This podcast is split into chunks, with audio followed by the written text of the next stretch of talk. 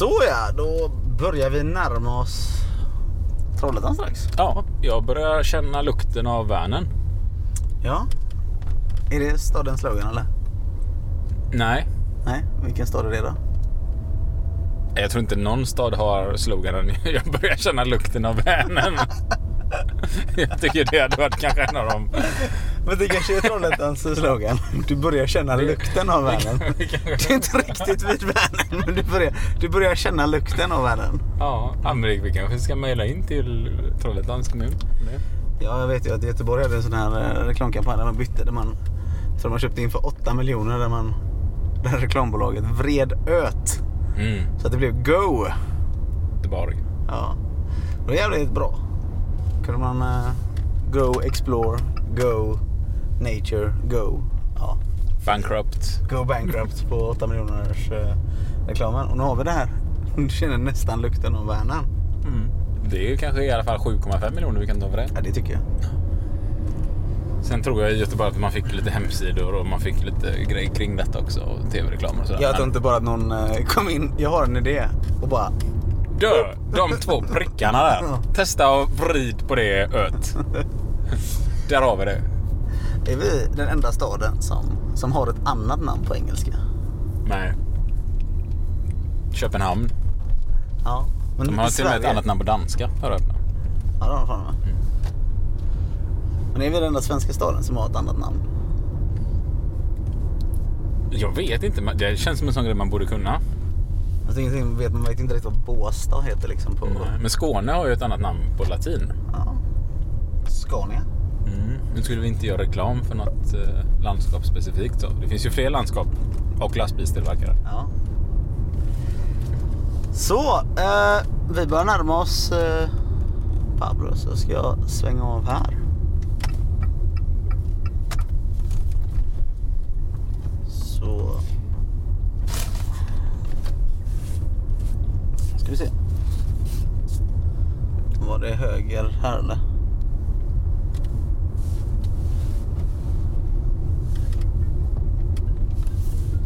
Nu ringer min telefon. Ja, jag ska bara ta det. Du kan väl pausa ljudet. It's a big fucking deal. What the fuck are we doing out here? I ask you, what in the fuck are we doing here? So what's the big fucking deal? What the fuck are we doing out here? I ask you, what in the fuck are we doing here? Ja, tyvärr så kommer jag vara tvungen att ta en liten akutförhandling så jag kommer inte kunna medverka här under samtalet med Pablo. Du får gå in själv. Men eh, då går jag in till Pablo. Ja, Så ses vi om en liten stund. det gör vi.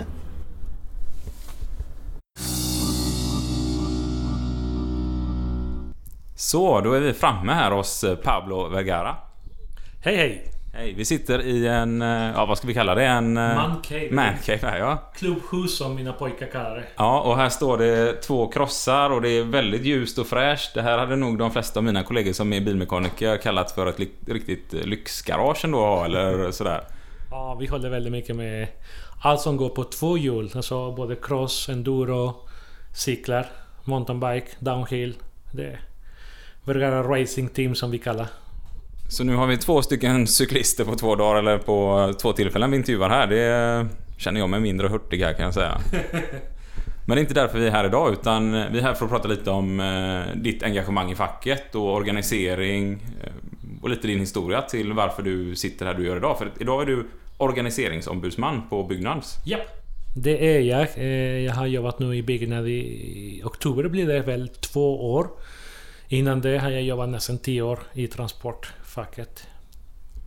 Om vi börjar titta lite på Byggnads uppbyggnad här då. Vilka är det som är medlemmar i Byggnads? Jo, i byggnad vi har trä och betongarbetare, vi har plåt, vi har eh, de som jobbar med glas, anläggningsarbetare. Ja, vi har väldigt mycket. Stor bredd, men mycket inom bygg kan man väl säga. Ja, och väldigt mycket inom bygg. Som sagt, eh, tackläggare, golvläggare. Eh, ofta man tror att det är bara snickrare, men det är det inte. Det är också anläggning och, och jag specialiserar mig med nu, eller jag försöker organisera nu, eh, stora infrastrukturprojekt i Göteborg. Västlänken och lite allt möjligt. Västlänken, Marieholmstunneln, eh, Hisingebro, eh, E45. De är stora ja, infrastrukturer som ger. Det folket stör sig mest på nu. Det har varit mycket snack i media om det ja. Ja. Absolut. Och vi har pratat lite fram och tillbaka och gör ofta bort oss och kallar det för verkstadsklubb och det är sektioner och man är kontaktombud, skyddsombud. Men hur ser det, hur uppbyggnaden från förtroendevalda i Byggnads, hur ser den ut? Om jag arbetar som snickare någonstans, vem kontaktar jag då om jag får problem eller stöter på någonting? Alltså, förhoppningsvis har vi en grupp av människor som är engagerade som kallar vi MB-grupp eh, på arbetsplatsen. Eh, hos oss är det väldigt mycket eh, vikt på säkerheten. Det har vi skyddsombuden, Hammaren, det är den som eh, kallat in eh, eh till möte och sådana ting. Eh, så det är det. Och finns det inte en grupp på arbetsplatser så kanske här har vi skyddsombud bara eller kontaktombud. Eh, annars får de kontakta direkt oss på Byggnad Väst, kontoret i Göteborg, Trollhättan, Borås, Skövde, Halmstad. Och resten av landet om man bor någon annanstans där det inte är lika fint. Precis, och resten av landet också har vi stora kontorer. Perfekt, och då, då vet vi lite här att det är skillnad. Vi, ni kallar MB-grupp det som vi kanske kallar klubb IF Metall och det som Kommunal alldeles nyss kallade för sektion. Så vi har lite olika namn på de här grejerna. Ja. Och vi kommer ju senare träffa tjänstemannaförbund i podden också som använder sig av helt andra namn också. Så har du som lyssnare lite pejl på det. Om vi tar och börjar lite med din resa här nu för att bli... För du, du specialiserar dig på organisering i Byggnads så det är inte det första fackliga uppdraget man tar på sig direkt kan jag tänka mig. Utan... Eh, du, kan du berätta lite för du kommer från Chile? Ja, jag kommer från Chile från början. Så flyttade jag till Norge, till en väldigt liten ö i Norge som heter Måløy. Och då är det roligt att jag säger Måløy för det är säkert ingen som känner det. 2000 inbyggare. Och där bodde jag i nästan eh, ja, nio år. bodde jag där och, och jobbade där med fiskindustri och så. Så träffade jag min kärlek som kommer från Trollhättan. Så flyttade man till Trollhättan. Och vad skulle jag annars göra än att jobba på Saab eller underleverantör till Saab. Det var DHL. Jobba med däck och fäll och montera, köra truck, eh, lite underhålla arbetare och till, hjälpte till. Eh, kände det här gemenskap av arbetskamrater som i Norge kanske jag inte hade känt så mycket. Jag jobbade som arbetsledare i Norge. Men det var här i Sverige jag började få kontakt med det här vi på golvet som vi brukar alltid säga. Vi på golvet och vi var riktigt stolta över att vi var arbetarna som fick jobbet fram till Saab-bilarna. Och där började jag även inse att det kan finnas lite orättvisor på arbetsplatser. Eh, och det är någonting som, som verkligen jag, jag får energi av. Och kämpa mot orättvisor. Jag ser en bild i min huvud, en romantisering av fackliga arbetet. Den är för mig väldigt viktig. Jag vill gå och kunna lägga mig på natten på sängen och titta på min fru i ögonen. Och det spelar ingen roll att jag har fått kicken från jobbet för att jag har stått upp med en arbetskamrat. Vi kan äta spagetti och nudlar i en månad, men bara att det ska kunna sova gott och, och kämpa mot orättvisor. Och då är vi verkligen inne på det här vi pratade om för ett par avsnitt om, om självkänslan också. Att det är liksom det viktigaste som finns i livet om man har en god självkänsla. Det är att faktiskt stå upp för sig själv och det man tror på. Och det låter ju verkligen som någonting som har funnits med i ditt liv här då. Ja, eh, orättvisor och, och alltså, stå upp för att eh, samhället är uppbyggt. Jag är väldigt stolt. Alltså, jag kom till Sverige som sagt nu för 15 år sedan. 2004. Nej, nu, tiden går fort nu. Det är mer än 15 år. Eh, men eh, jag gillar att observera väldigt mycket och jag blir väldigt stolt över vad Sverige har byggt i 100 år med en verklig klasskamp som börjar på 1900-talet. Och som slutar med den svenska modellen. Som jag tycker den är väldigt sund. Om man respekterar den. Och det är det väldigt viktigt, i alla fall för mig, om jag ska kunna ge någonting tillbaka till Sverige. Tillbaka till mina barn som är, växer upp här och, och som är född här. Och det är att eh, det här eh, systemet, att det ska finnas kvar. Svenska modellen, eh, samarbetet med de eh, eh, företag och arbetarna. Respekten, det är det viktigaste. Och när den respekten inte finns, då, då är det väldigt viktigt att någon står upp för det och, och kämpar för att det ska finnas kvar.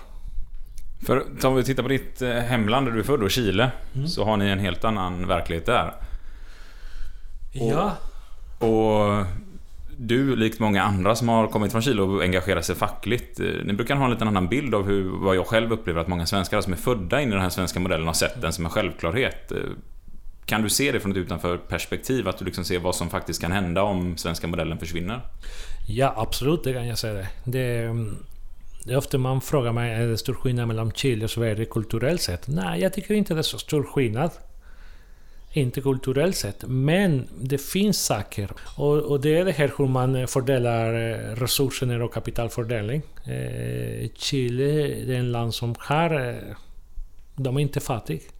Har väldigt mycket naturresurser inom koppar och fiskindustri och väldigt mycket. Så där bör det inte finnas fattigdom i Chile. Men den fördelas otroligt orättvist. Det är fruktansvärt stor skillnad. Och det är tack vare den här neoliberalismen som experimenteras i Chile på 80-talet. Och så det är många som, som har åkt till tycker att det är marknad som, som ska bestämma. Och den de är starka ska de få vara starka och trampa kanske för de andra för att få fram sina pengar. Och det är en bild som är... Ja, det är många som lyckas. Men det är många fler som inte lyckas.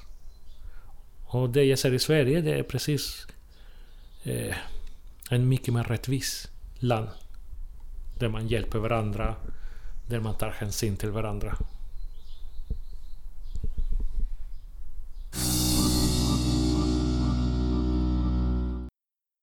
Nu har du pratat lite om eh, Chile och Sverige och hur blir du påmind om de här skillnaderna mellan och vad som faktiskt kan hända i Sverige om svenska modellen skulle bli försämrad eller försvagad? Jo, jag blir påminn om det här nästan varje dag genom mitt arbete. Eh, jag jobbar på stora infrastrukturprojekt i Göteborg och det ser man av och till. Inte överallt, men man, man ser att eh, man försöker ta in underentreprenörer från andra länder. Polen, Rumänien, eh, ja, Litauen. Där de tar in, inte för deras kunskap, men för att de är billigare. Och där måste vi komma eh, ifrågasätta oss. Eh, varför ger de samma jobb men de ska vara billigare? Alltså, där måste man tänka, alltså det här är stora huvudentreprenörer, eh, stora inköpscheferna som de står där herrar på tapeten.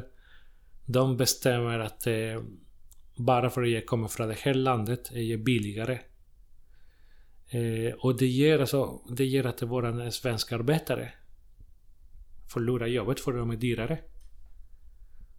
Och det är en problematik som är ganska stor. Jag, jag tycker att det, det ska vara samma betalt, samma lön, samma villkor. Eh, tryggheten. Oavsett om du kommer från Sverige, Norge eller ah, Chile. eh, det spelar ingen roll. Alltså, det ska vara samma villkor för att båda våra svenska företag också ska kunna konkurrera på en schysst marknad. Eh, och det här är väldigt viktigt när man pratar om, eh, om den svenska modellen. Eh, att det är våra arbetare, eller vi arbetarna, vi ska inte eh, kriga mot varandra. Vi ska inte kämpa mot varandra. Det handlar inte om det. Det handlar om det om vi kan konkurrera på samma villkor. Allihopa. Så är det en bättre marknad. Och det hände nog faktiskt en grej i, i, nu i veckan. Jag var i en eh, arbetsplats i södra Göteborg. Där jag kom in till en fikarum. Satt mig på en bord och helt plötsligt blev jag överraskad av en väldigt arg man som stod står och skäller på mig för att jag, sitter, jag satt på hans plats. Och när jag försöker, för jag tror att han skämtar med mig, han var så aggressiv. Att jag tror först att han skämtar med mig att... Eh, ja, han bara står där Flytta på dig nu! Du fattar, du sitter på min plats och... Och jag, ja, jag var väldigt ifrågasatt. Alltså, man blir lite nervös av en sån bemötande. Men där var det två herrar. Äldre herrar. Eh, 67 var det ene. Jag frågade faktiskt ålder. Eh, och den andra var strax under 65. Som sa till mig Pojk, kom och sitta här med oss. Det blev jag väldigt glad för. jag blir kallad pojk när man är 42 år. Och eh, där började man fråga mig var jag kom ifrån. Vad, eh, vad handlar mitt jobb om? Och jag blir så glad. För jag har väldigt mycket respekt för den äldre generation som har byggt det här systemet. Det har tagit 100 år, över 100 år nu. För att bygga den svenska modellen så, så, som handlar om lika villkor, respekt mellan arbetarna och chefen eller vad ska man kalla dem. Mm. Kostymnisse brukar jag säga. Nej men eh, att det handlar om respekt mot varandra. Och det, det var jättetrevligt att prata med dem och, och de stod och frågade mig men hur ser du det här med att eh, de här stora företagen tar in migranter för att betala dem mindre, de konkurrerar åt oss. Och de här två herrarna som var väldigt kloka, de visste att det handlar inte om en kamp mellan olika nationalitet eller en kamp mellan eh, olika folkslag. Det handlar om att det finns några som vill kunna sig för andra. Och hade vi kunnat konkurrera på samma villkor, samma lön, så hade det varit ett mycket schysstare samhälle. Även för många av de eh, svenska företag, eh, mellanstora företag, små företag, familjeföretag. Så nu blir de konkurrerade ut på grund av att de inte har kanske den kapacitet för att ta in stora underentreprenörer från landet som fuskar med skatt, fuskar med löner, fuskar med allt. Och, och det här engagemanget dig, för det har jag verkligen förstått nu. Jag, jag har ju faktiskt inte träffat dig innan, utan Mm. jag har bara hört om dig och därför vi bokade upp dig. Det var en ombudsman som talade om att eh, ni måste åka och träffa Pablo. Vilket engagemang och han är grym på det här med organisering. Mm. Och hur startade det här för dig då? Du har berättat här att du från Norge tillbaka till Trollhättan och hur tog du ditt första fackliga uppdrag? Vad var det som fick dig att komma igång med det? Det som fick att komma igång var eh, det här att eh, vi var så yrkesstolta. Vi var eh, som sagt 20 personer som var väldigt, väldigt yrkesstolta och vi gillade att arbeta hårt. Och några stora chefer som kom in till fabriken i Audisar och BMW eller och så. Kommer från Tyskland och de brydde sig inte över vilken bra arbetskraft de hade. De brydde sig mest att det är siffror, att det är vivare nummer, att det, ja, kanske det är billigare med bemanning och att det, det, det var väldigt mycket det. Och det var den här tiden som Saab började gå ned. Så vi hade två skift som blev ett. Men så av och till behövdes eh, lite mer arbetskraft. Och så det togs in bemanning. Och bemanning, så det, för dem var det brukt vara verktyg. De kunde slänga den när de inte passade för dem. Blev de trötta eller skadade, ut med dem, ta en ny. Och det råkade faktiskt att jag blev en av de anställda. Också väldigt mycket för jag ville det. Jag ville eh, engagera min fråga. För mig var det ganska nytt. Det här att det var så stor skillnad mellan att vara egenanställd och vara bemanning. Så jag ville testa lite grann. Och även prata med Transport. En fackförening. Att eh, du, vi har inte så mycket kunskap över det här. Jag vill... Jag kan vara försökskaninen. så blev jag anställd där och, och på den tiden innan Saab gick ner, det var 20 och det var bara killar. När bemanning kom in så kom in även tjejer på arbetsplatsen. Och där såg jag hur de blev diskriminerade. Eh, för de speciellt små teamledare eller mellancheferna. Det var många av dem som tyckte att eh, tjejerna de skulle vara hemma på köken. De hade ingenting med arbetsplatsen att göra. Och det är någonting som jag verkligen blir förbannad. Eftersom jag växte upp i en familj med, ja, jag hade fyra moster, min mamma, min mormor, morfar och jag. Så det var eh, kvinnorna i min familj i Chile som styrde hela huset och de gjorde det väldigt bra. Då såg jag att eh, de här eh, cheferna, några av dem, de började och, och trakassera de här tjejerna som vill vara där, vara där och arbeta hårt. De jobbar väldigt bra. Men eh, som sagt, de tyckte inte att de hade någonting där att göra. Och så de mobbade dem. Eh, när det var övertid så gick de och frågade alla men inte tjejerna. Och då sa jag att nej, den här kampen ska jag ta det. Och även där när jag blev anställd som bemanning så sa de till mig eh, absolut, vi vill ha dig. Men du får inte vara facklig. För då hade du tidigare varit eh, klubbordförande på den här arbetsplatsen. Ja. Fast som ordinarie personal. Ja, jag var klubbordförande på DHL Excel. Det var väldigt lätt att vara ordförande där eftersom det fanns väldigt mycket engagemang och vi var bra kamrater allihopa. Så det var ingen one man show. Vi, vi hjälper varandra väldigt mycket, så underlättar väldigt mycket. Även där förstår jag att flera som är engagerade kan man skapa det här styrka. För det var inte du som var facket utan det var ni tillsammans Ja, som vi, var facket. alltså, ja, vi, var, ja, vi var exakt 24 och 22 var med. Och det var inte jag som gick och gjorde uppgifter, det var vi allihopa. Jag kommer ihåg när vi flyttade in till Saab. Vi hade en fabrik utanför Saab, men vi flyttade in eftersom det, produktionen gick ner och de hade plats. Och där ville vi ha vår egen eh, lunchrum som vi hade haft tidigare.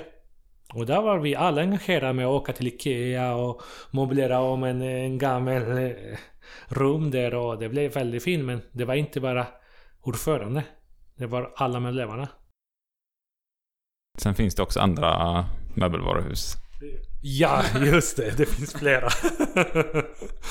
Nej, men så, och så på den tiden så såg jag hur de trakasserade. Det var en, en ärende jag kallade det nu. Men det var en case. Det är en tjej som var väldigt duktig på att arbeta. Jag, jag gillar folk som arbetar hårt. Och hon, hon gjorde det väldigt bra men eh, hon fick inte jobba övertid. Hon blev hela tiden skickad hem tidigt för de ville bara visa att det, det var inte plats för henne där. Och till slut var det så mycket så jag sa till Transport nu måste vi driva det här fort. Och då gick jag till eh, ledning som satt på plats där och sa du det här är trakasserier, mobbing. Vi kommer till att driva det här. Och de sa till mig men det kan du inte för du är bemanning. Du har sagt att du inte driver någon fråga om du vill ta in som bemanning. Så ja men lagen säger någonting annat. Så vi måste göra det. Då blev jag hotad. Eh, att jag skulle tänka på familjen och, och det ger mig att jag går mer igång.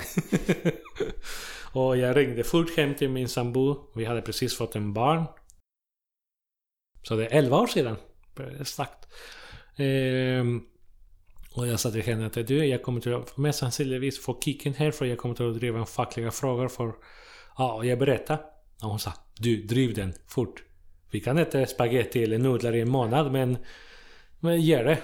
Och det kändes väldigt bra att jag kan komma hem, titta min sambo i ögonen och säga att jag har fått sparken, kicken, på grund av att jag har drivit en fackliga frågor för rättvisa. Och det ger att jag är... Ah, jag går igång. Jag går igång med att eh, nöja sig och orättvisor att eh, kämpa för det. Jag ser en romanticism av eh, det fackliga arbetet.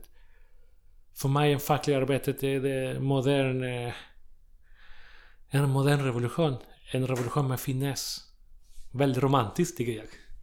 Och du berättade också innan här, vi drack lite kaffe, vi blev bjudna på jättegott kaffe här och fick titta på den här underbara grönskan runt ditt hus här. Eh, och då berättade du också att i Chile så är det tyvärr så att eh, många som engagerar sig fackligt helt plötsligt bara dör av självmord, hävdar staten.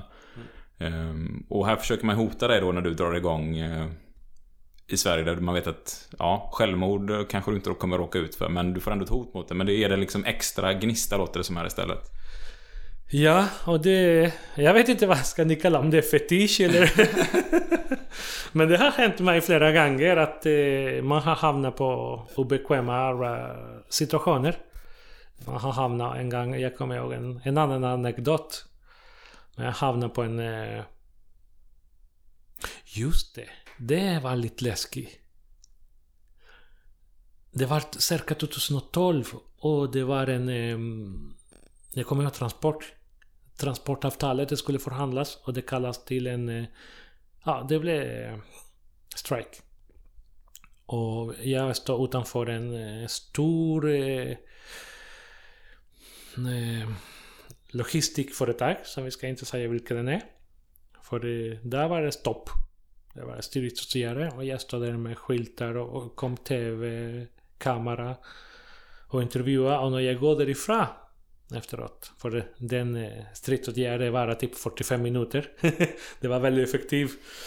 Eh, så när jag skulle vara på väg därifrån så kom en jättestor fin Audi förbi med polariserat fönster.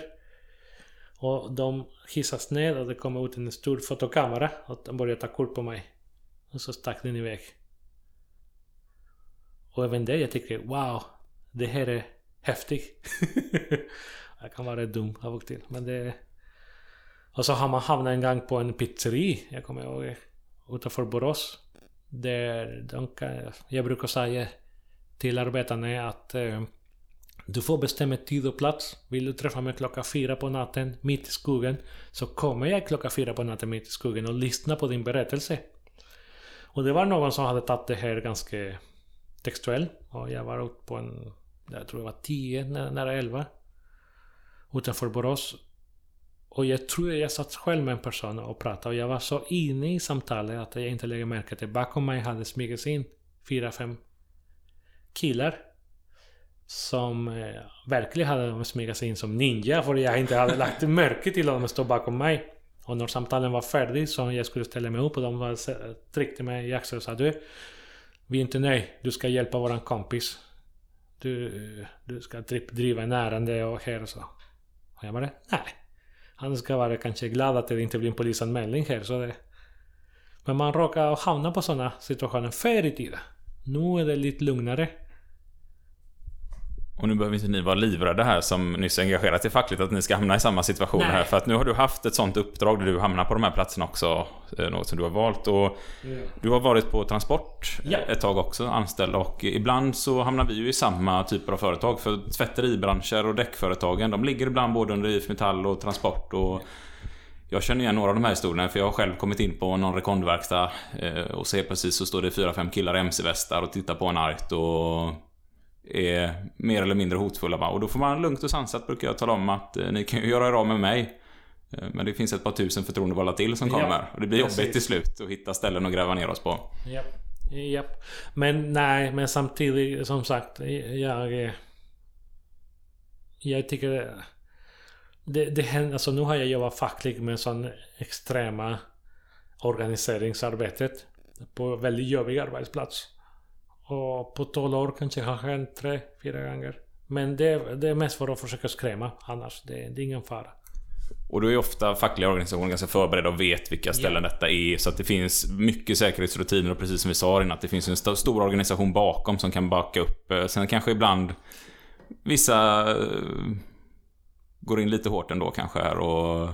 ja, Vad ska jag säga? Vissa kanske utmanar ödet lite extra ändå för spänningens skull, är det så? Ja, det är så, men eh, det, eh, vi har... Jag har alltid fått höra från den organisation jag jobbar för att eh, så får du inte göra och när vi åker ut på för exempel och träffar personer efter arbetstid eller på udda platser, jag måste alltid ringa när jag är på väg och när jag är därifrån. Så min, den som har ansvaret för mig har koll på vad jag är och sådana ting och helst inte vara själv. Men eh, nu var det lite extrema fall, men annars är det den glada fackliga arbetet som föregår varje dag.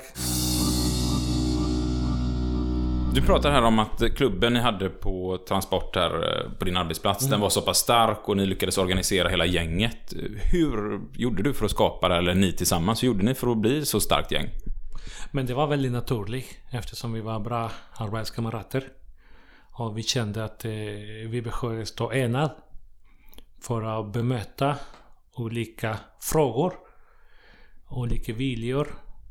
Eh, man pratar om eh, turistförhandlare eller intresseförhandling. Vi hade väldigt mycket intresse i våran arbete att eh, få det bra för oss.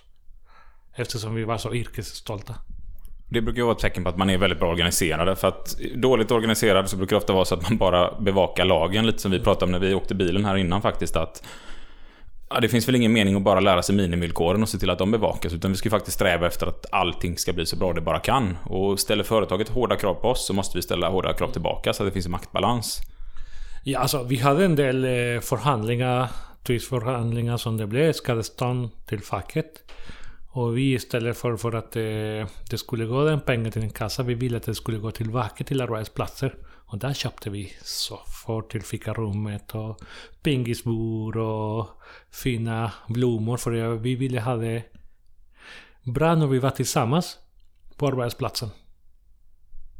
Så det var liksom inte bara pengar utan ni, ni ville faktiskt ha en riktigt bra arbetsplats och trivas. För att eh, ja, man är ju ganska stor tid på sin arbetsplats. Eh, ibland mer än vad man träffar sin familj till och med.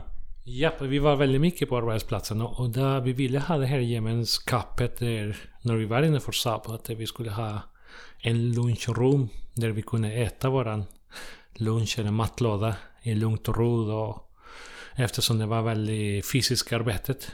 Det tyckte det var bra att någon donerade en gammal soffa till arbetsplatser. Och det var det. Alltså, det var det där jag insåg att det fackliga arbetet, det är inte förhandling.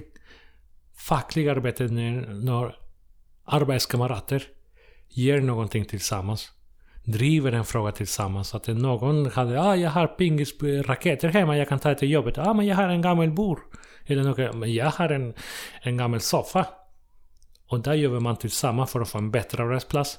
Det är fackliga arbetet. Märkte företaget någonting eh, när ni blev så organiserade? Vad hände liksom?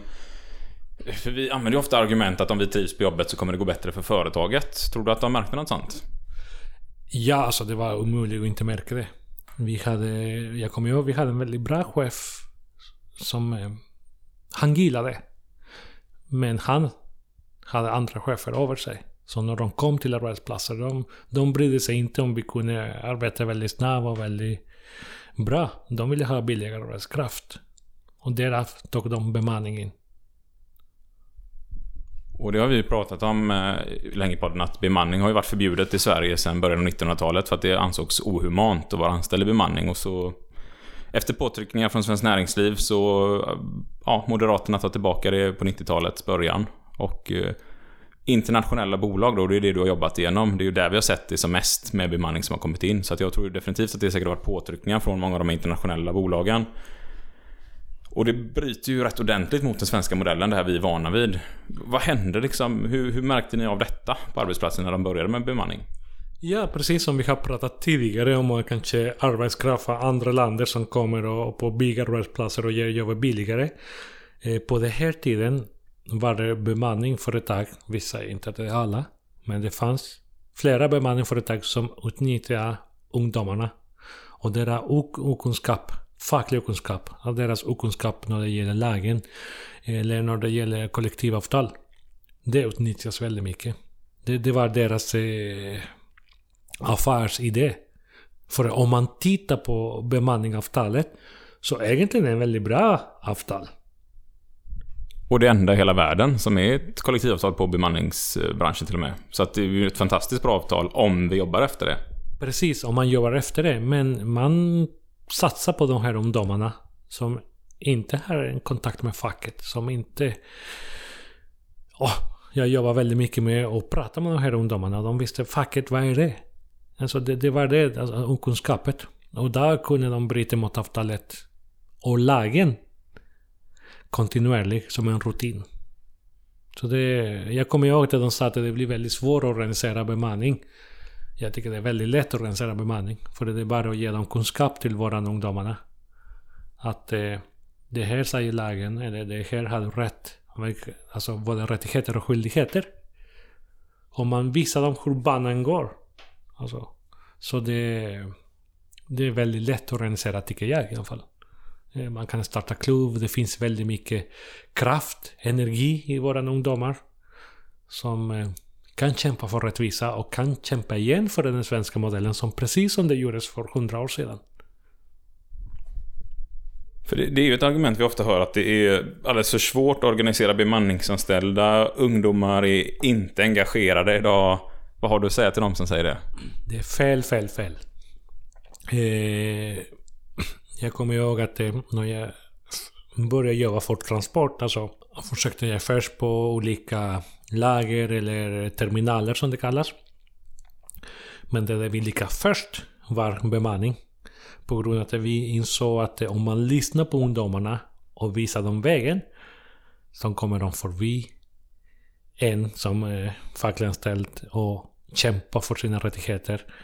Och ah, de har en underbar energi. Som är, det finns ingen 7 till 4 facklig kamp där. Och det är det jag älskar. Facklig kamp går 24 timmar i dygnet. Och det vet ungdomarna. Underbart att höra. Hur, hur kom det sig nu då att du hamnade på transport och fick börja jobba med de här frågorna? Och det var faktiskt så att det var en eh, bemanning eh, twist. Där eh, det var en tjej som blev trakasserad på arbetet. För Teamledaren ville ha... Han tyckte tjejen skulle vara hemma i köket och inte på arbetsplatsen. Så någonting som gör att jag får väldigt mycket energi att driva sådana frågor. Och vi drev den.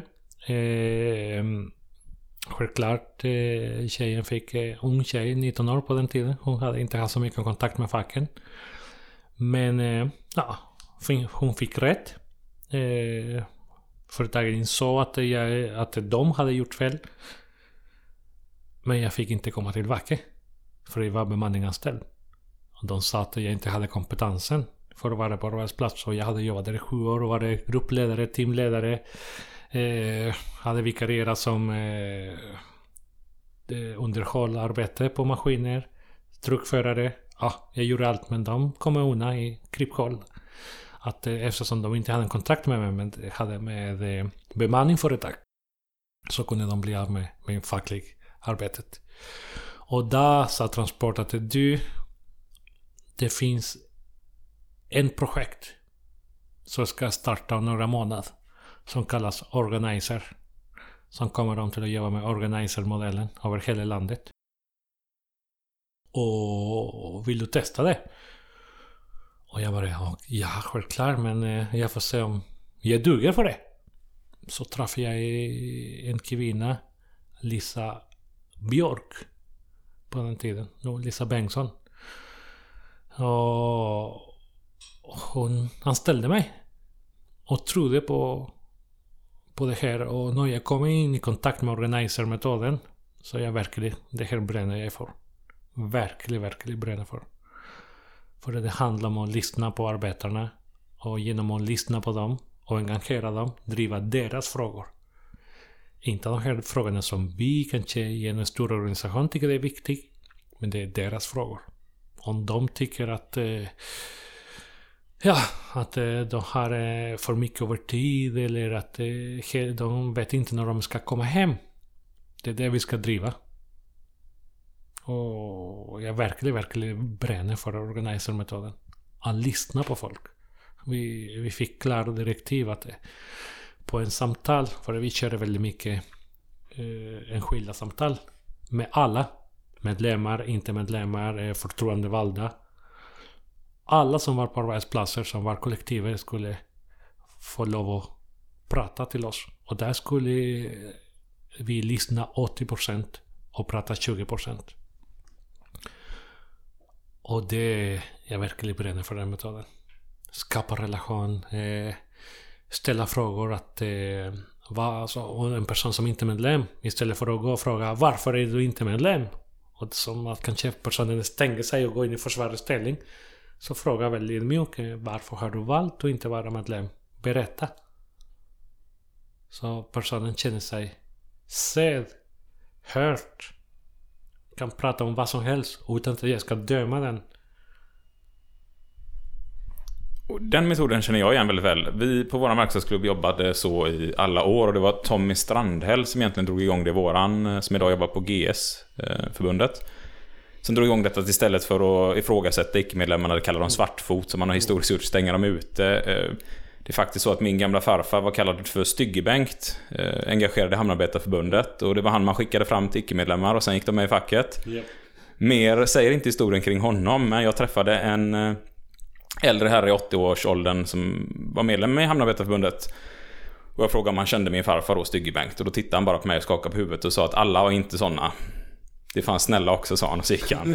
Ehm, jag vet inte så mycket om vad som händer i hamnen, men jag har jobbat efter samma metod som dig. Att man faktiskt ställer frågan till de här icke-medlemmarna och frågar vad vad är det som får dig inte vara medlem i facket? Och jag tycker också att man får helt fantastiska historier och berättelser kring varför. Och där får man också mycket argument och förståelse för vad brister kunskapen? För att vi i den här podden har ju ofta pratat om detta att jag har än så länge inte stött på en enda person som har valt att inte vara med i facket som vet vad facket gör. Och hur är din upplevelse från de här som inte är med i facket? Har de koll på vad facket gör?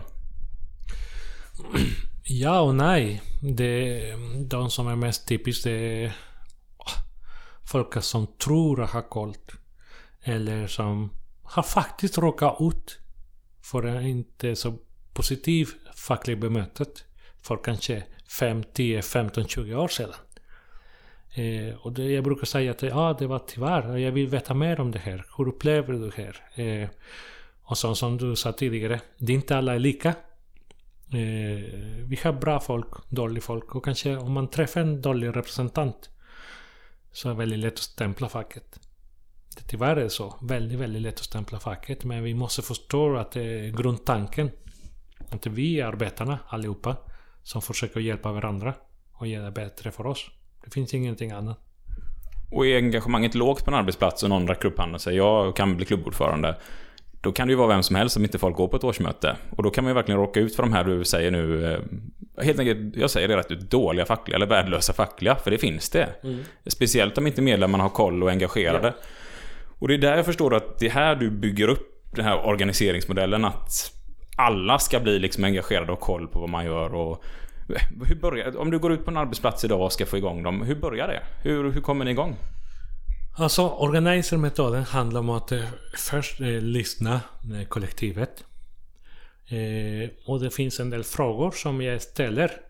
Inte så många, men som jag ger för exempel. Ah, här på din arbetsplats, om du har problem, vem går du till? Vem... Eh, eh om du har frågor om hur man gör saker, vem frågar du? Och det får du identifierat någonting som vi kallar informella ledarna. Och i teorin, en informell ledare ska vara en klubbordförande. För det är som de svarar mig att eh, ah, jag går till Christer. Han har jobbat här länge, jag litar på honom. Okej, men om du har problem med chefen? Pratar du med någon? Ja, jag bara får ut det med Christer. Det betyder att den här kristen har förtroende för den personen. Och har man pratat på en, en arbetsplats, vi säger 20 pers. Och är det 12-13 som nämner Christer. Det är en självklarhet att det är Christer som är informella ledare. Jag hör ju att till och med jag vill välja Christer redan nu när du berättar om Christer här. Det, jag ser Christer framför mig här. Ja, jo, och det finns, eh, det finns vetenskapligt bevisat att eh, på en grupp av människor som följer dem, eh, alltså säga 100 är det 10 som är informella ledare. Det är naturligt. Vi är flockdjur. Och där följer man personer. Det finns bra och dåliga ledare också. Men de flesta är bra. För annars följer de inte de andra. Och det är inom organizer-metoden så det är att kunna identifiera dem. Har vi kunnat identifiera dem genom att ha, lyssna på arbetarna, alltså vem de går till, vem är de kompis till. Så kan vi efteråt prata med de här personerna och ställa samma frågor.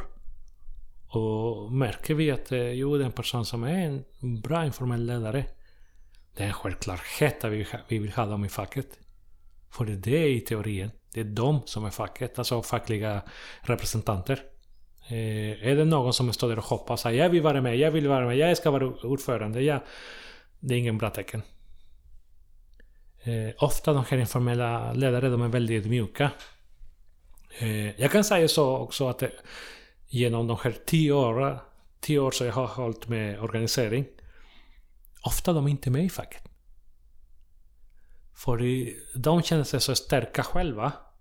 Att de säger nej men jag behöver inte facket, jag klarar mig. Men när de förstår sin vikt, för de, de uppfattar sig inte själva som informella ledare. Men de, när de förstår att det, det är många som eh, har förtroende för dem. Och att eh, de istället för att bara hjälpa sig själv, de hjälper de andra. och de kan få en verktyg och en stöd genom fackförening, då blir de självklart medlemmar och engagerade. Och det har vi haft väldigt, väldigt många. Ja, jag, jag själv är jag en av dem som i princip blev förtroendevald eh, samtidigt som jag gick med i facket.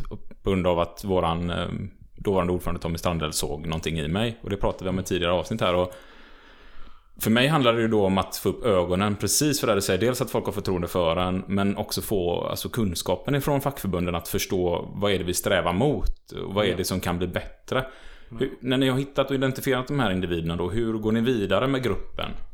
Eh, oftast eh, vi vill ha väldigt mycket god egenskap i de här... Eh, eh, vi kallar klubbarna kanske kan vi göra nu. Det är flera människor som kanske engagerar sig med olika egenskap. Och där säger vi att vi samlar eh, fem, sju personer. Och vi börjar utbilda dem. Vi börjar att eh, prata fackligt. Och när jag säger prata fackligt, jo, prata om de frågor som är på arbetsplatsen. Att vi börjar mm, och fundera varför det är så. Eller vad kan det bli bättre? Eh, vad som är bra också. Vi ska inte glömma det, att det är mycket, det är mycket som är bra. Eh, men att det, när man samlar den här gruppen människor, så vad gör vi för att ska få en bättre arbetsplats? Eller behålla det som är bra?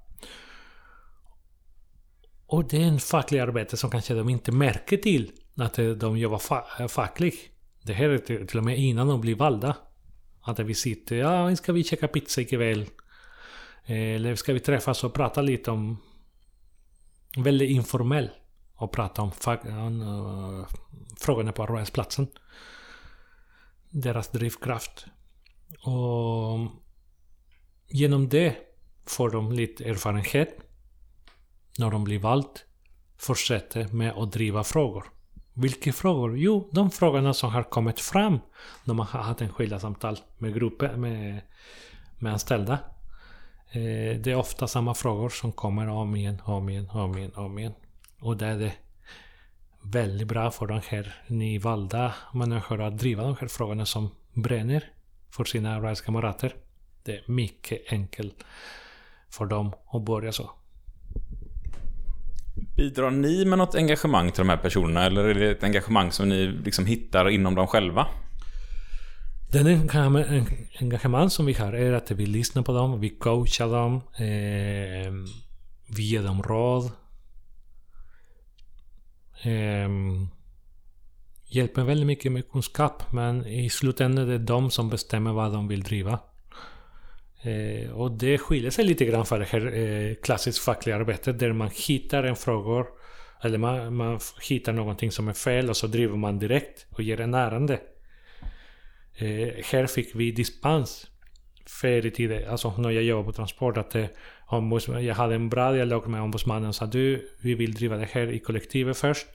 Kan du bevaka oss och hjälpa oss med tips och någonting? Och det var många ombudsmän som tyckte det här var väldigt bra. Och hade man en bra dialog med dem, så de tyckte det här var jätteroligt också. Eh, och se det här engagemanget och jag brukar säga att när man är där och ser människor som kanske för tre månader inte visste någonting om facket och helt plötsligt ger dem en eh, riktig hjälteinsats inom facklig kamp. Ja, det är underbart. Det är underbart. Både med att få flera medlemmar, men att driva frågor och ha möte.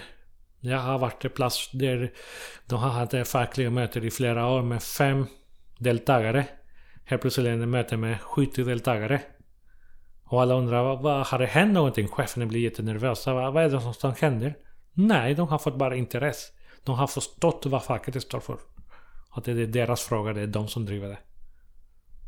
Och nu när du berättar detta så ser jag en eld i dina ögon här. Det ja. ser ju tyvärr inte lyssnarna här. Jag hoppas ni hör det i rösten här. Men eh, en riktig eld och en, en lycka inom dig. Och jag känner samma ja. sak när jag sitter och lyssnar. Det nästan ryser i kroppen. För det, är, det är ju hit vi vill nå för att få en stark arbetsplats. Mm, och det här låter definitivt som att det här kommer innebära att det blir väldigt mycket mer att göra för ombudsmännen som är anställda också på avdelningen. Jo, eh, men som sagt, så, förr i tiden när, när Organizer eh, kom fram och egentligen Organizer som man sa att oh, 2010 är något nytt. Det är inget nytt. Det är, det är att vi går tillbaka back to the rot. som det var i början på 1900-talet. Det är det vi ger igen. Och eh, det var väldigt mycket att eh, ja, då, det här arbetsplatsen ska organiseras. Det är organizer där, ingen ombudsman där eller ingen regionala skyddsombud där. Det är fel. För det här måste vi göra tillsammans. Och så länge man har en eh, kommunikation och debriefar varandra, bollar fram idéer och är med i det här. Så ja, det kan bli mycket jobb i början, men den här fackliga verksamheten som man ser eh, efteråt, det är helt otroligt. Jag har exempel som... Jag hade en kollega. Så, och det är det som var med organiser, att vi var flera som hjälper varandra varje dag. Som eh, om man hade haft en, en jobbig enskild samtal. En person, eh, man, vad, vad är jobbig? En person som berättar väldigt mycket känsliga saker. Och där måste man ut med dem, för att säga så. Och, och där hjälper vi varandra och hade kontakt över hela landet. Vi var tio organisatörer. Eh, och jag vet om arbetsplatser så när man kommer in av 250 arbetare var det 16 medlemmar. Och när man går därifrån sex månader senare är det typ av 250 arbetare 110 medlemmar. En klubb, eh, flera fackliga frågor, flera eh, förhandlingar, mycket jobb till ombudsmannen. Men det är viktigt också, ombudsmannen, det, de är engagerade fackligt och de tror på det här. Så där jobbar de mer än, än gärna med de här frågorna och, och driver förhandlingar. Och idag nu så berättar du att du håller på via Byggnads här i de här stora byggprojekten kring och runt Göteborg. Och då vet ju jag, jag har gått på lite föreläsningar och fått se bland annat Rickard Andersson från er berätta lite om Västlänken och vilka företag som kommer in och det är underentreprenörer hit, underentreprenörer dit. Och eh, jag kan bara tänka mig hur det är människor från många olika delar av Europa och kanske större delar av världen som kommer hit och arbetar nu. Jag inom motorbranschen har ju varit ute på en hel del ställen där folk kommer från forna Jugoslavien, folk kommer ifrån Polen, Ungern, Rumänien och eh, ofta möts man ju av det här att man inte riktigt vågar eller vill eller får prata med facket. Men man möts också av individer som har bott i forna diktaturer där facket har varit staten som nästan har kontrollerat invånarna. Mm. Eh, och jag vet hur svårt det är att nå fram till de här, men när de väl får kunskapen så brukar det verkligen bryta igenom och ibland blir det nästan starkare än någonsin. Jag hade ett gäng från Rumänien som till och med skapade en egen underorganisation för att ha kontakt med rumäner som kommer till Sverige för att de ska lära sig lagar och ställa krav och, och lite så här. Och hur, hur jobbar du med det nu via Byggnads och Västlänkar och allting som ska byggas här? Ja, jag är väldigt tacksam för att det Byggnads eh, tror på det här med organisering. Eh, och de har gett mig lite eh, friheter för att eh, arbeta med den metoden som jag har arbetat i tio år tidigare. Och eh, det är en utmaning. Det är en jättestor utmaning och väldigt rolig. Eh, där man träffar människor från andra länder. Eh, några är väldigt rädda. Några, jag förstår av och till att de har blivit tillsagt och övat på vad de ska säga om de träffar någon facklig eh, från deras arbetsgivare. Men så träffar man väldigt bra arbetsgivare som har kommit hit och vill jobba och följa både kollektivavtal och svenska lagar och, och kämpa med samma villkor. Jag vet om en um, vice VD som faktiskt har träffat en av våra Eh, reporter på eh, Byggarbetare tidning. Där Byggarbetare eh, frågade här vice VD på den här multinationella företag vad han tycker om byggnad. Och till den stora överraskning säger det här personen att för oss är det väldigt viktigt att byggnaden blir stark. På grund av att om byggnad och fackförbund blir stark så kan vi konkurrera på samma villkor och visa vad kan vi gå för. Utan att stå och konkurrera med lönerna och med mindre pris. Och när de, de har förstått det här, där har vi en kamp som vi har... En steg i kampen har vi vunnit. Eh, och det är utmaningen att eh, de här utländska arbetare, de förstår att eh, de ska inte vara rädda för oss. Eh, vi vill att de eh, ska komma hem friska. De ska inte gå och springa runt och hänga utan, alltså, i farliga situationer. Byggbranschen är väldigt, väldigt farlig. Ja, det är en av de branscher där det fortfarande dör flest arbetare eh, per år i Sverige. Och det är ganska många. Det det är ju arbetare i Sverige, det är mer än en i veckan nu de sista åren som har gått bort. Och eh, en stor del av dem har jobbat inom Byggnads avtalsområde. Ja, och det är på... Jag ser väldigt mycket där på grund av att eh, de inte följer de här eh, arbetsmiljöreglementen som finns. För man kommer hit och, och de tas in som billig arbetskraft. Och där är det inte så viktigt med att de ska få hängseller, eller att de ska få rätt introduktion. Det handlar om att eh, de ska jobba snabbt,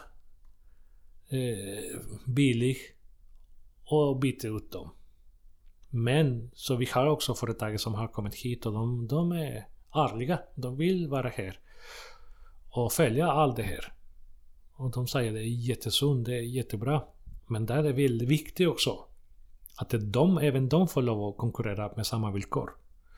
Och det är en av de stora utmaningarna byggbranschen har nu. Att eh, man konkurrerar på schyssta villkor. Att det inte man ska bygga en bro eller en tunnel med billig arbetskraft. Att, att man tar in en företag för att de, var, de vann eh, upphandling med en miljard mindre. För där skickar den direkt signaler till oss att det, där måste vi ha koll på var sparar de pengar. Och ofta är det arbetskraften. Men som sagt, man kan inte ta alla under samma paraply.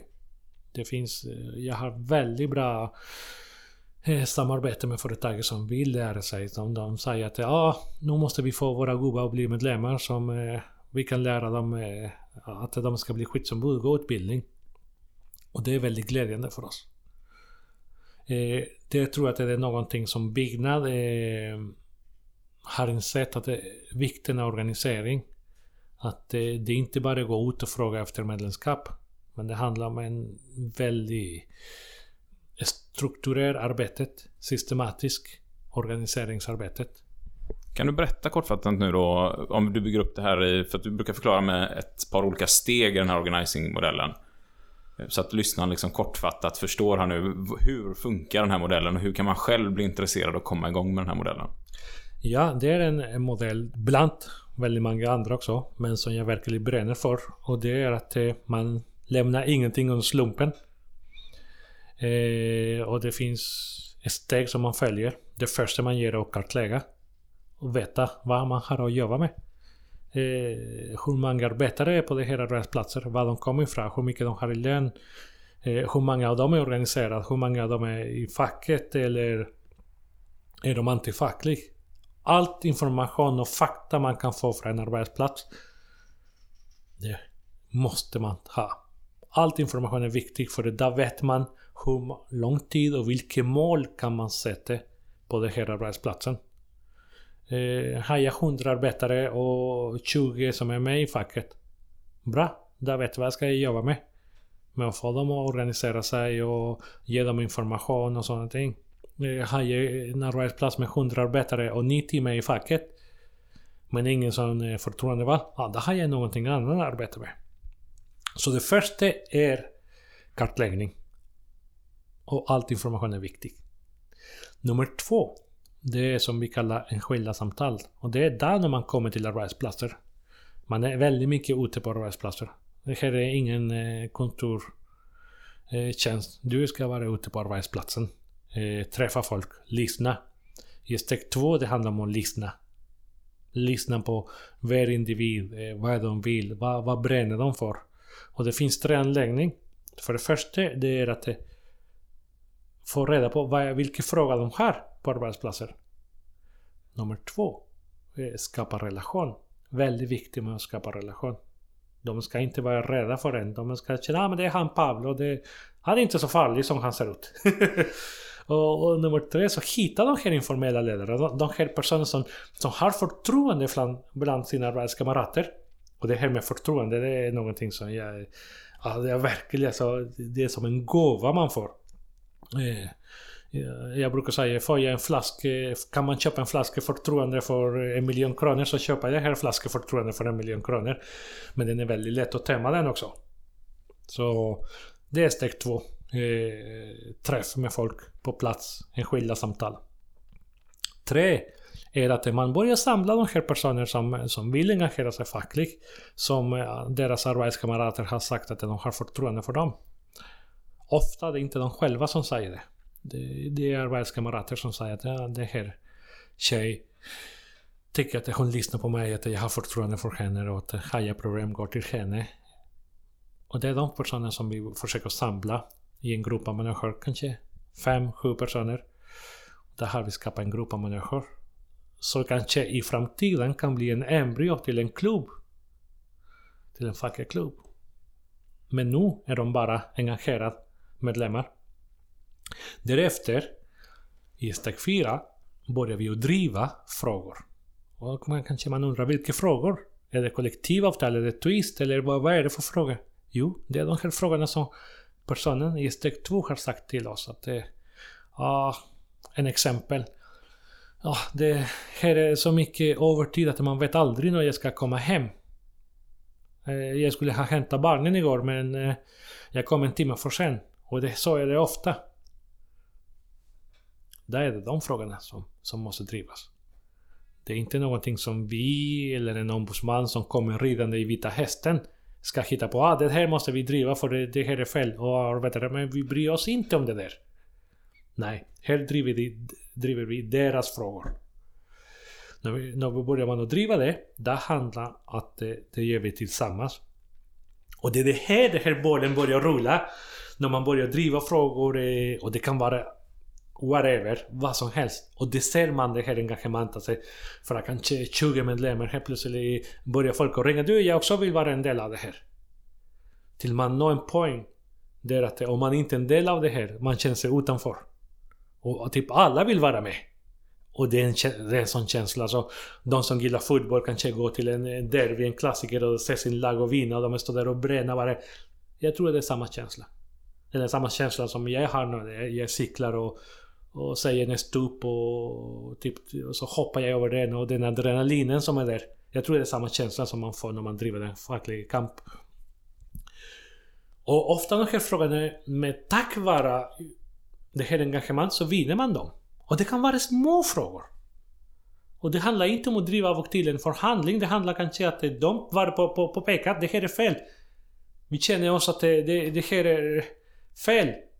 Och av skriver Oj, vi har inte vetat om det här. Bra! Men tack vare det här fackliga kamp har vi ändrat det här. När man har vunnit dem är de beredda för att ta nya frågor och vi är beredda när vi har visat dem vad är det den fackliga kampen vad det handlar om, vad facket ger. Kan vi lämna och gå till en ny arbetsplats. Och där tar de över själva liksom och har byggt Ja. upp det här starka och förhoppningsvis är med er och bygger upp ännu fler arbetsplatser på det här sättet sen. Är det många som har eh, gått från den här banan då att inte haft något eget lokalt engagemang till att de börjar engagera sig i större skala också och börjar hjälpa till att besöka andra arbetsplatser eller hålla kurser och... Jo, alltså nu har vi hållit med den här metoden i över 10 år. Ja, först i transport och nu är vi för den i Byggnads. Eh, så det finns många av de här ungdomarna som inte var med i facket eller de inte visste någonting. Idag är de kanske ombudsman eller är de ordförande i en avdelning. Men det handlar inte om det.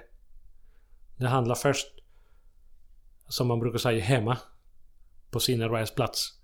Det är där kampen går. Det är där allt börjar. Och när allt är bra där, där kan man ta vidare om man vill. Men helst vill jag ha dem ute på arbetsplatser. För den här kraften är speciell för ungdomarna. Alltså, för, folk som inte har varit engagerade tidigare. Det är där de ska. Det är viktigt. Facket ska vara ute på arbetsplatser. Inte på en kontor. Som jag sa tidigare, inte 7 till 4. Det är 24 timmar, 7 dagar i veckan. Kampen tar inte paus. Kampen tar inte paus. Och, och som jag brukar säga, jag brukar ofta skoja att eh, vi är inte en fackförening, eller jag brukar skoja med andra organisationer. Ah, det, är, det, det, det är en försäkringssällskap, brukar jag ofta skoja. Jag vill ha en kamporganisation. Och det handlar inte om kamp och gå ut och, och, och kasta bomber eller kasta sten. En kamp eh, med finess. En romantiserad kamp. Med de orden så skulle jag verkligen vilja säga jätte, jätte tack för vi fick komma hit och prata organisering med dig och höra hela din resa och allt det här engagemanget. Och nu sitter jag här, eh, jag ska be våran fotograf här att ta en bild på oss här sen så ni får se hur det ser ut här. Eh, för här är, hänger det cyklar och eh, det står två fantastiska crossmotorcyklar här från ett svenskt känt crossföretag. Ehm, och det går ju nästan att se det här framför sig om man går tillbaka till den här fackets historia som vi pratade om med de här agitatorerna som kom cyklandes från fabrik till fabrik och bara fick igång ett engagemang. Så jag kommer verkligen lämna här nu med bilden av att Pablo är en av de här eh, moderna agitatörerna som åker land och rike runt och besöker arbetsplats efter arbetsplats för att få igång den här fackliga kampen och den kampen tar ingen paus. Det går inte att kompa ut och ta semester från den utan den, eh, den pågår hela tiden. Jätte, jättetack att vi fick komma hit och vart kan man se dig? Vart kan man träffa dig om man är intresserad av att veta mer? Eh, jag är oftast ute på arbetsplatsen. Eh, nu är det Västlänken. En eh, gediger projekt där man träffar väldigt mycket bra människor. Bra arbetare. Bra chefer också. Jag måste säga att jag träffar väldigt mycket bra folk där också. Jag har en anekdot där. En väldigt rolig anekdot. Det här kom en viss eh, företag från eh, Italien kan vi säga. Och jag var in på en arbetsplats och så kom ut en eh, person och som tittade på mig. Han var väldigt välklädd, man fattade direkt att han var italienare. Lite fancy. Och så han tittade på mig och sa How are you? Nej, Who are you? Och jag bara sa oh, I am Pablo. Pablo? Yes, from the Union. The Union! Oh no, oh no, I'm not here, I'm not here! Så han bara vände och började springa in till sitt kontor. Och jag bara... Vad var det där? Skämtade han och... Och, och så började folk som var ute och arbetade, de började bara skratta. För det var helt bisarrt att han blev så rädd att det facket var där och så han vände I'm not here. Som att det, Hallå, du står här och pratar med mig. Och efter en stund kommer han ut och frågar mig Pablo, can you speak Spanish? Yes. Så han började fråga mycket saker och, och jag märker att han var nervös. Och vi har en väldigt fin samhälle i Sverige som vi måste ta hand om. Men jag passar på att hålla honom runt så han skulle slappna av. Hålla honom runt på sidan där och så titta, så, titta ut genom fönstret. Ser du så fin Sverige är? Alltså, ja, det är beautiful eh, country och allt. Alltså, aha, det här har vi byggt genom den svenska modellen. Vi samarbetar, vi hjälper varandra. Ni, vi arbetare har det bra, ni har det bra, alla vinner på det här. Så jag är inte så farlig, jag kommer inte från någon maffia. Det här samarbetet måste vi ha. Svenska modellen gäller här. Nu är han en väldigt god vän med mig. Väldigt, väldigt god vän. Ja, men då går vi tillbaka till Sebastian nu. Hoppas han är, står någonstans här utanför så vi hittar honom.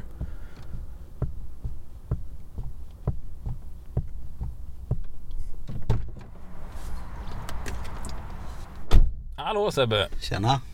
Hur har det gått? Jo, bra. Hur har det själv gått? Ja men det har gått bra. Pablo, vilken, eh, vilket engagemang alltså.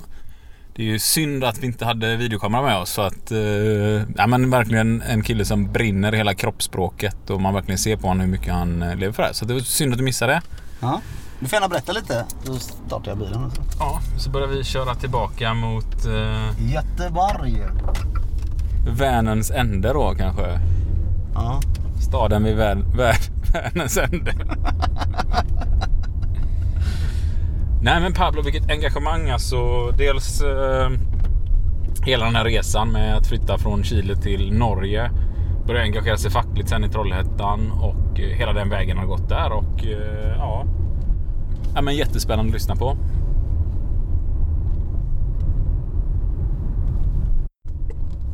Och ja, men när jag satt med Pablo här och får höra den här organizer-modellen som han pratade om. eh, så slog ju mig att det är exakt vad vi har jobbat med i våran verkstadsklubb de sista eh, tio åren kanske här i alla fall. När det kommer till vårt bolag har köpt upp många nya ställen. Så vi har tagit över många ställen där det inte funnits någon facklig verksamhet innan för att organisera och få igång folk. Eh, Och det hade ju varit grymt att kunna den här modellen från början istället för att lära sig den på vägen och göra alla misstag på vägen. Eh, Och så framförallt tänker jag på det här Pablo pratade om att han hade fått ja, engagera bemanningsbranschen. Så många säger att det är omöjligt att värva folk i bemanningsbranschen och allt det här. Men det är det ju absolut inte. Det är väldigt konstigt att många säger så. Ja, och då, och då tänkte jag faktiskt på dig, eh, gjorde jag Sebastian. Det är allt värvningsarbete du håller på med och eh, även du kom ju från ett ställe där det inte fanns någon facklig verksamhet och ni drog igång allting på nytt. Mm.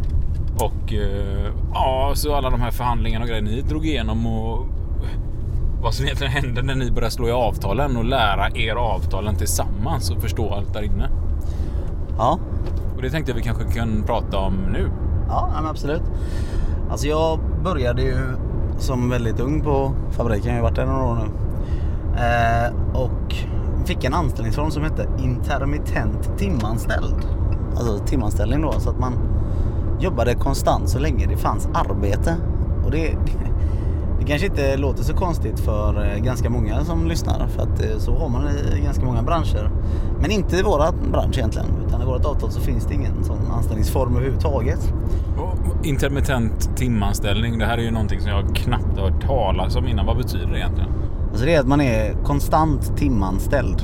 Så man har egentligen ingen anställningstrygghet. Det är väl egentligen där vi kommer hamna nu om den här utredningen visar på sådana saker. Om LAS. Eh, och det var en så att det företaget jag jobbar på, vi jobbar ju som en underleverantör till fordonsindustrin och det här företaget då som, som producerar de här bilarna.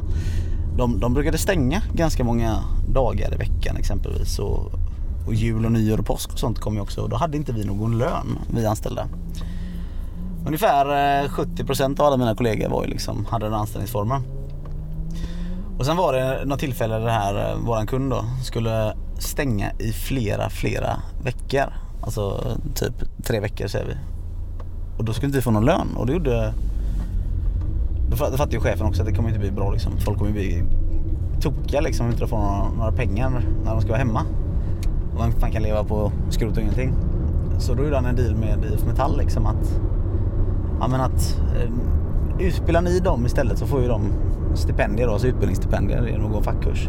Så jag och mina kollegor fick ju gå alla som är i facket eh, i flera veckor då, på facklig utbildning. Och då lärde vi oss liksom avtalen, det var jävligt bra för man fick ju slå i boken och sånt och, och läsa. Och då kunde de hitta ganska mycket grejer. Men det var ju den här konstanta rädslan. Alltså jag har ju många av mina kollegor kommer från andra länder. Exempelvis där kanske inte facket är någonting positivt eller att man får vara med i en fri fackförening och så. Och man kände inte att man vågade. Jag var liksom yngst på fabriken så jag kände väl kanske inte heller att jag ville göra det. Men det var så att det också skulle bli ett varsel på företaget och jag tänkte att alltså, jag har inga problem med att få sparken liksom, att få gå. Men jag vill ändå att det ska gå rätt till för det hände ganska mycket kajko-saker alltså, som kanske inte var helt okej under tiden eh, på företaget när vi inte hade någon facklig representation. Och eh, till slut och så kände jag väl mer eller mindre hur handen bara reste sig upp liksom och jag bara nej, ta ner handen. Men så, så sa jag men jag kan bli förtroendevald och då blev jag den fackliga ombuden på arbetsplatsen och då när man väl blev det och man fick gå sina kurser då fick man ju lära sig alltså att det finns jävligt mycket eh, grejer i böckerna som man liksom har missat och det fanns väl ja, ganska många fel. Ja, du vet ju historien liksom men man kan väl säga i runda slängen så fick alla mina kollegor mellan 40 och 70 000 spänn i näven bara i felaktiga löner. Så och det fortsatte ju bara på den vägen. Det fanns väl nästan inte en sida där man liksom ja, inte kunde läsa och bara herregud det här har inte vi fått. Och det var ju inte så konstigt. Alltså vi hade väl 30% medlemmar i facket på den tiden på min arbetsplats. Men har man ingen som övervakar, för det är det här vi snackar om. Det är alltid bra att man har medlemmar, men kunniga medlemmar. Det är inte alla som har det. Och om man inte har kunniga medlemmar, som vi pratade om i förra avsnittet, så ja, hur vet folk att de har blivit lurade? Och så var det verkligen för oss. Eh, nu då så följs ju allting till punkt och pricka för företaget tack vare liksom att vi har bildat en fackklubb. Och, alltså man kunde ju organisera kring de här felaktigheterna när man bara diskuterade dem med sina kollegor annat än det här som jag, alltså jag brukar kalla det lite slarvigt, det allmänna gnället som folk kan ha liksom. Åh det är kast, alltid kast. Och sen nu så liksom allt är ju inte kast, vad är det som är kast? Och då kan man ju liksom argumentera kring det här, alltså bara med sina kollegor att fan vi, vi, vi behöver få upp våra löner, okej. Men man kan ju inte bara säga till chefen vi vill ha högre lön och hoppas att, eh, att chefen ska säga ja självklart ni ska få högre lön. De måste hitta någonting att organisera sig kring just det här och det är ju så här vi har jobbat liksom. Så då, bara på de senaste fem åren så har vi ökat lönerna med säkert 10 000 spänn på, i snitt liksom, på företaget. Och, ja, vi har fått ganska mycket bättre arbetsplats får jag verkligen säga. Och bra arbetsmiljö och ekonomi. Ja, ni gick ju alltså från nästan inte ha några medlemmar alls och framförallt inga medlemmar som hade gått någon utbildning eller något till att helt plötsligt bli en jättestark eh, klubb och få ordning på alla typer av avtal. Ja, alltså fördelen med det var just att vi var ju faktiskt med allihopa där på plats på de här kurserna som IF Metall hade.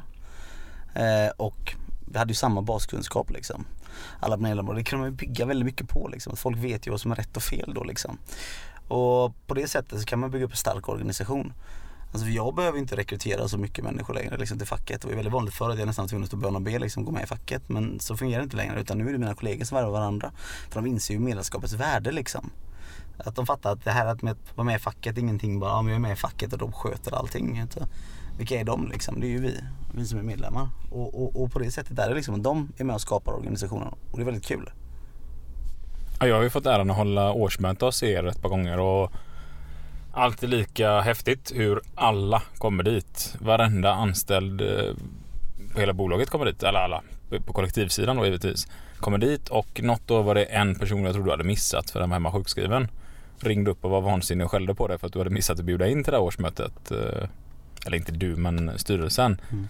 Och så ser det ju inte ut överallt. Men hur, hur kom ni dit liksom? Hur kom ni till att alla vill gå på ett årsmöte och engagera sig? Nej men alltså det, det där var ju ett sätt liksom att folk skulle kunna få prata ut också tillsammans i stor grupp liksom. Vi gjorde något mer. Alltså det, det är ju gäster, du kommer dit och får berättar hur det var på din arbetsplats exempelvis och så försöka trigga lite den här svenska avundsjukan liksom att vi vill också ha det så här och då måste vara med på mötet. Sen får man självklart bjuda på godfika också. Det är ju det, men det är ju inte så man får dit folk eh, klockan 11 på en lördag liksom. Det är inte så, men men det, det, det var ju det här att man, man vill vara med liksom. Och det är ju så viktigt. Alltså det är också en tydlig signal för jag brukar ofta säga liksom att ja, man får ju betalt för att gå på ett årsmöte. Vi har ju utvecklingsavtalet i alla fall inom LO-kollektivet. Och, alltså företaget vet ju hur många som kommer på mötena. Jag brukar alltid säga att det är det minsta ni kan göra är att komma på årsmötet. För då vet företaget banne med fan att ja, utav alla som anställer här så ja, de är med i facket. Det är ganska många som är, kan man få på a-kassa och sådana saker. Men så här många är på mötet också och bryr sig. Och då blir det en annan liksom, diskussion. Det blir ett annat ljud och skälla när man sätter sig vid förhandlingsbordet. Ja men det är en enorm skillnad. Eh, rent förhandlingsmandatet stärks ju där också att Ja men det klubben säger, det, det är det som gäller. Alltså det, vi står alla enade bakom detta för vi var på mötet allihopa. Vi har varit med, vi har tagit de här besluten tillsammans. Så det är ju en, det är ju A och O. Och vi hade för ett tag sedan eh, en stor lönefråga på vårat ställe där den delen av de anställda, då kom eh, närmare 140-130 personer i alla fall, kom på det här mötet för att diskutera lönerna. Och det var i princip varenda en som inte var bortrest eller liksom låg på sjukhus i princip. Och det har ju effekt.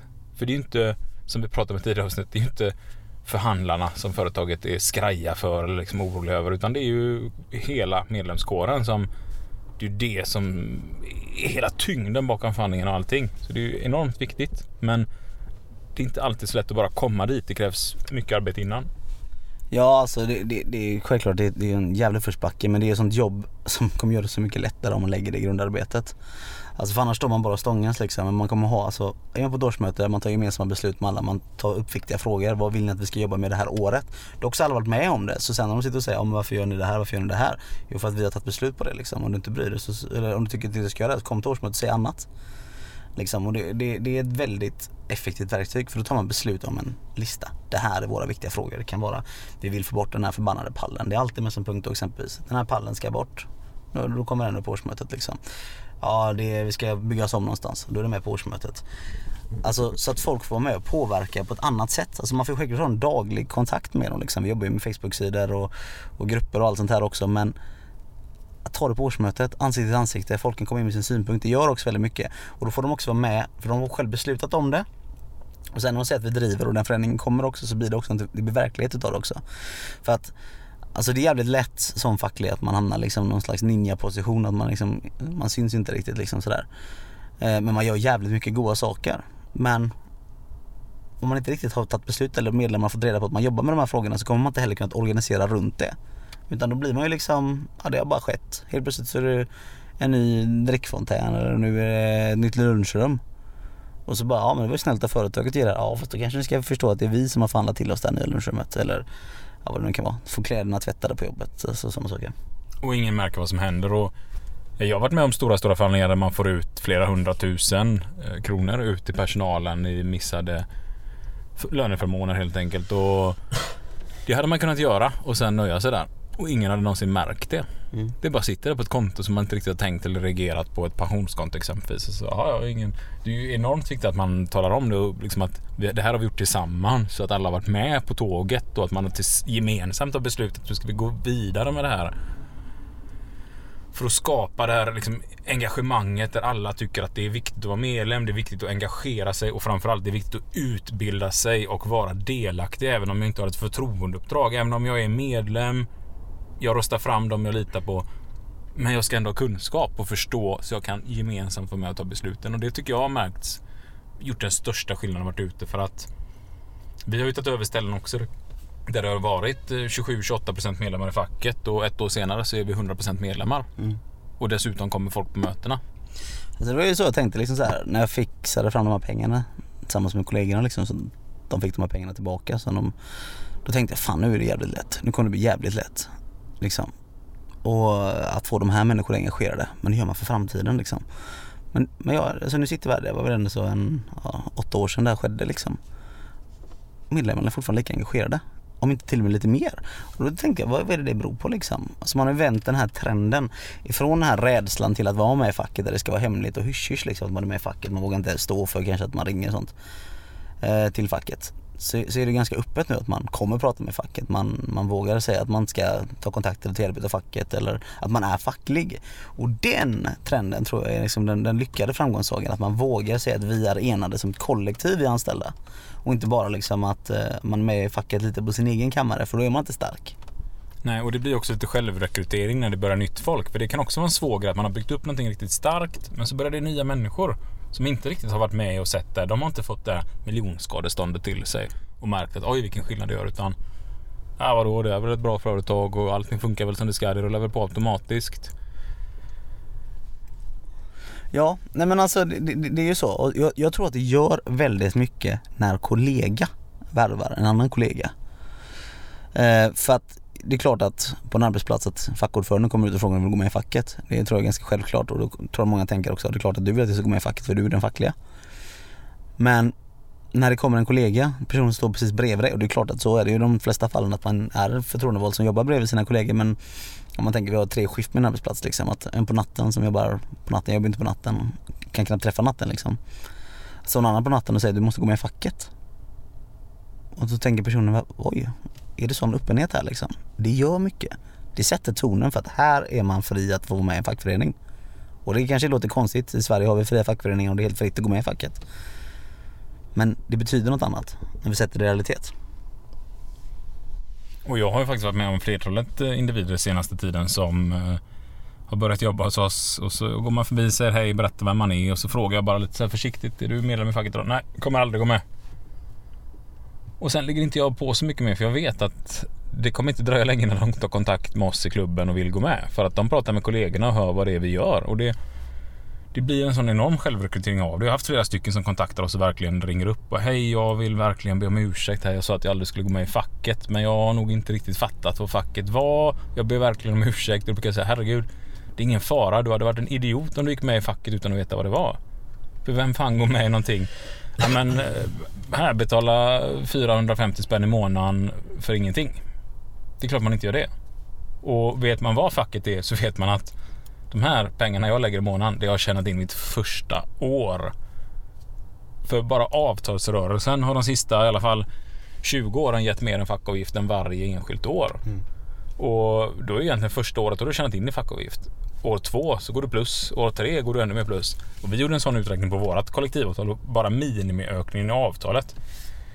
Ja, jag tror att det var på fem år så har du tjänat 6 000 spänn i månaden på att vara medlem i facket mot vad fackavgiften är och a-kasseavgiften. Så att jag menar, eh, har man kunskap om det så är det inga konstigheter. Men det handlar om att vi som är förtroendevalda måste kunna nå ut och förklara vad är det vi gör, vad är det som händer, hur funkar avtalsrörelsen, hur funkar den svenska modellen?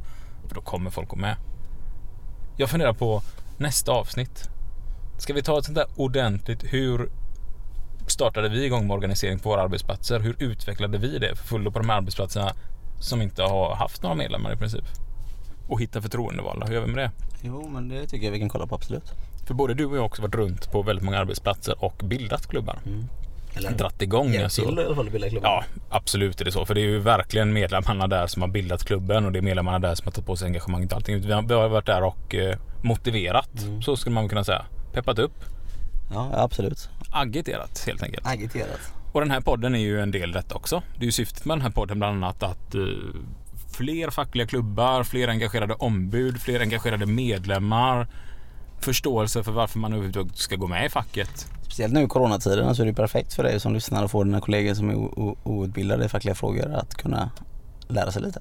Ja, vi hade ju en förtroendevald här som eh, en helt fantastisk kvinna som heter Kerstin Jansson. Hon hade satt igång det här när de inte hade något att göra på jobbet. Så att alla i personalen satt och lyssnade på Fuck You Podcast. Alltså? Det tycker jag var helt fantastiskt. Fan, det har jag hört. Ja, Ja. Kul. Ehm, och det är kanon liksom. Och jag har flera kollegor som har kommit till mig nu som jag inte hade en aning om lyssnade på den här podden och kommit fram och sagt Gud vad bra podden är. Fan vad man lär sig. Jag hade inte koll på hälften av detta. Och jag Ja. vet att så är det även hos dig. Jag har också hört folk säga att det är en skitpodd. Nej jag skojar bara. Nej det har faktiskt inte hört. Nej, men det är väldigt kul. Eh, Vi fortsätter verkligen att tacka Söderbykast för eh, alla lovord du har fått. Och det är kul och fortsätt gärna att sprida podden också till så många kollegor ni vill och skicka gärna också in alltså om ni har eh, ämnen som ni vill vi ska diskutera. Mm. Det har kommit lite förslag sista tiden här och eh, ja, vi har en bra plan inför framtiden här känns det som. Ja, men det är som, även om vissa har skickat in mail och vi kommer att ta tag i de frågorna när det väl kommer till just de ämnena som, som kommer passa rätt in i schemat. Arbetsmiljö har vi lovat att komma in på ganska snart här. Det har vi lovat att komma in på. Det är ett sånt ämne som många ställer frågor på. Och vi är absolut inga experter på arbetsmiljö. Nej, verkligen inte. Men vi har ett väldigt bra kontaktnät på det så att eh, ja, Det ska vi kunna lösa. det ska vi kunna lösa definitivt. Ja. Vi får väl tacka för idag då och så ska vi fortsätta våran resa tillbaka till staden som aldrig sover. Ja, för ni ska veta det kära lyssnare att vi har just nu parkerat här för att det känns lite oansvarigt att köra på E45 med eh, spela in samtidigt. Så vi har parkerat lite här och för eran skull nu så har vi Jag stängt tycker av. e- E6an, E18 hade funkat utan problem men just 45an känner jag Ja, den har ju en rondell i sig. Ja. Så vi har ju ingen eh, AC på här i bilen eller någonting så det sitter ju väldigt varmt. Det är ju 23 grader precis på utsidan nu så att det är ju väldigt varmt just nu i bilen. 23 grader låter inte så extremt varmt men det känns väldigt kvavt i bilen här. Ja. ja. ja. Nej men eh, Fuckyoupodcast.gmail.com Det är där man skickar in mail. Ja. Men man kan också skicka in saker på Messenger. Eller inte på Messenger, Facebook heter det. Och där heter vi vadå? Fuck you podcast. Ja. Och ja, Instagram. samma där. Fuck you podcast. Fortsätt höra av er och eh, ja, vi loggar ut höll jag på att säga men vi, Starta bilen. du startar bilen nu och säger Ja. hej då till vi har en eh, liten poddresa för oss själva. er så länge. Så ja, hörs vi om en vecka helt enkelt. det gör vi. Ha det fint. Ha det gött! Hej. It's a big fucking deal. What the fuck are we doing out here? I ask you, what in the fuck are we doing here? So what's the big fucking deal? What the fuck are we doing out here? I ask you, what in the fuck are we doing here? Fan det blir kö här igen. Det brukar vara kö fredagkvällar sen. Ja. Eh, vet du vilken eh, stad man alltid sitter längst i sin bil? Nej, ingen aning. Konstant in Opel. Ja, just det. Ja. Fan. Vet du vilket eh, djur som kör sämst i djungeln? Nej, Ja, det är ju krokodilen. åh fan. Hur vet du att en bil är från Spanien då? Ja, det är ju... Det nej. Den Emanuel. Ja, växellådan. Ja. Ser du att en bil är från eh, Jamaica? Nej, ingen aning. Ja, Du ser det på reggae-ströringsskylten. Hur ser man att en bil är från Östeuropa? Ja, det vet jag inte. Polacken. Du, har du svensk text på dina däck? Eh, nej. Nej, märkligt. Jag hittar bara också dubbade. Vet du hur man ser att eh, någon jobbar på en bensinstation? Nej. Hen är hög och tanig. Har du sett den här nya filmen om eh, lastbilar? Nej men jag har sett trailern. Vad fulakt din bil har Isak. Ja, jag vet. Jag var ute och drog några repo med den. Vet du hur man säger att en bil är från Tyskland? Nej Isak. Det är ett German inte. Ja. Jag vet inte om du hörde om han som åkte fast för fortkörning? Eh, nej. Berätta. Man kan ju kalla det gasolycka.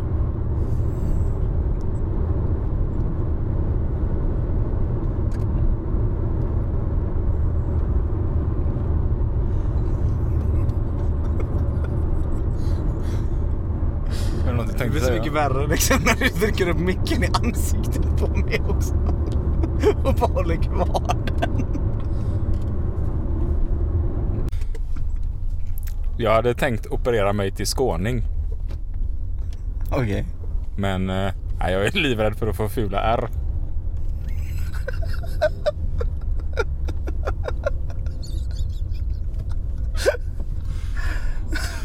Så nu räcker det med Isak. Ja det är lite för mycket ordvitsar nu. Ja, nej, vi slutar här. Jag kan kliva av här. Du behöver inte köra mig hela vägen.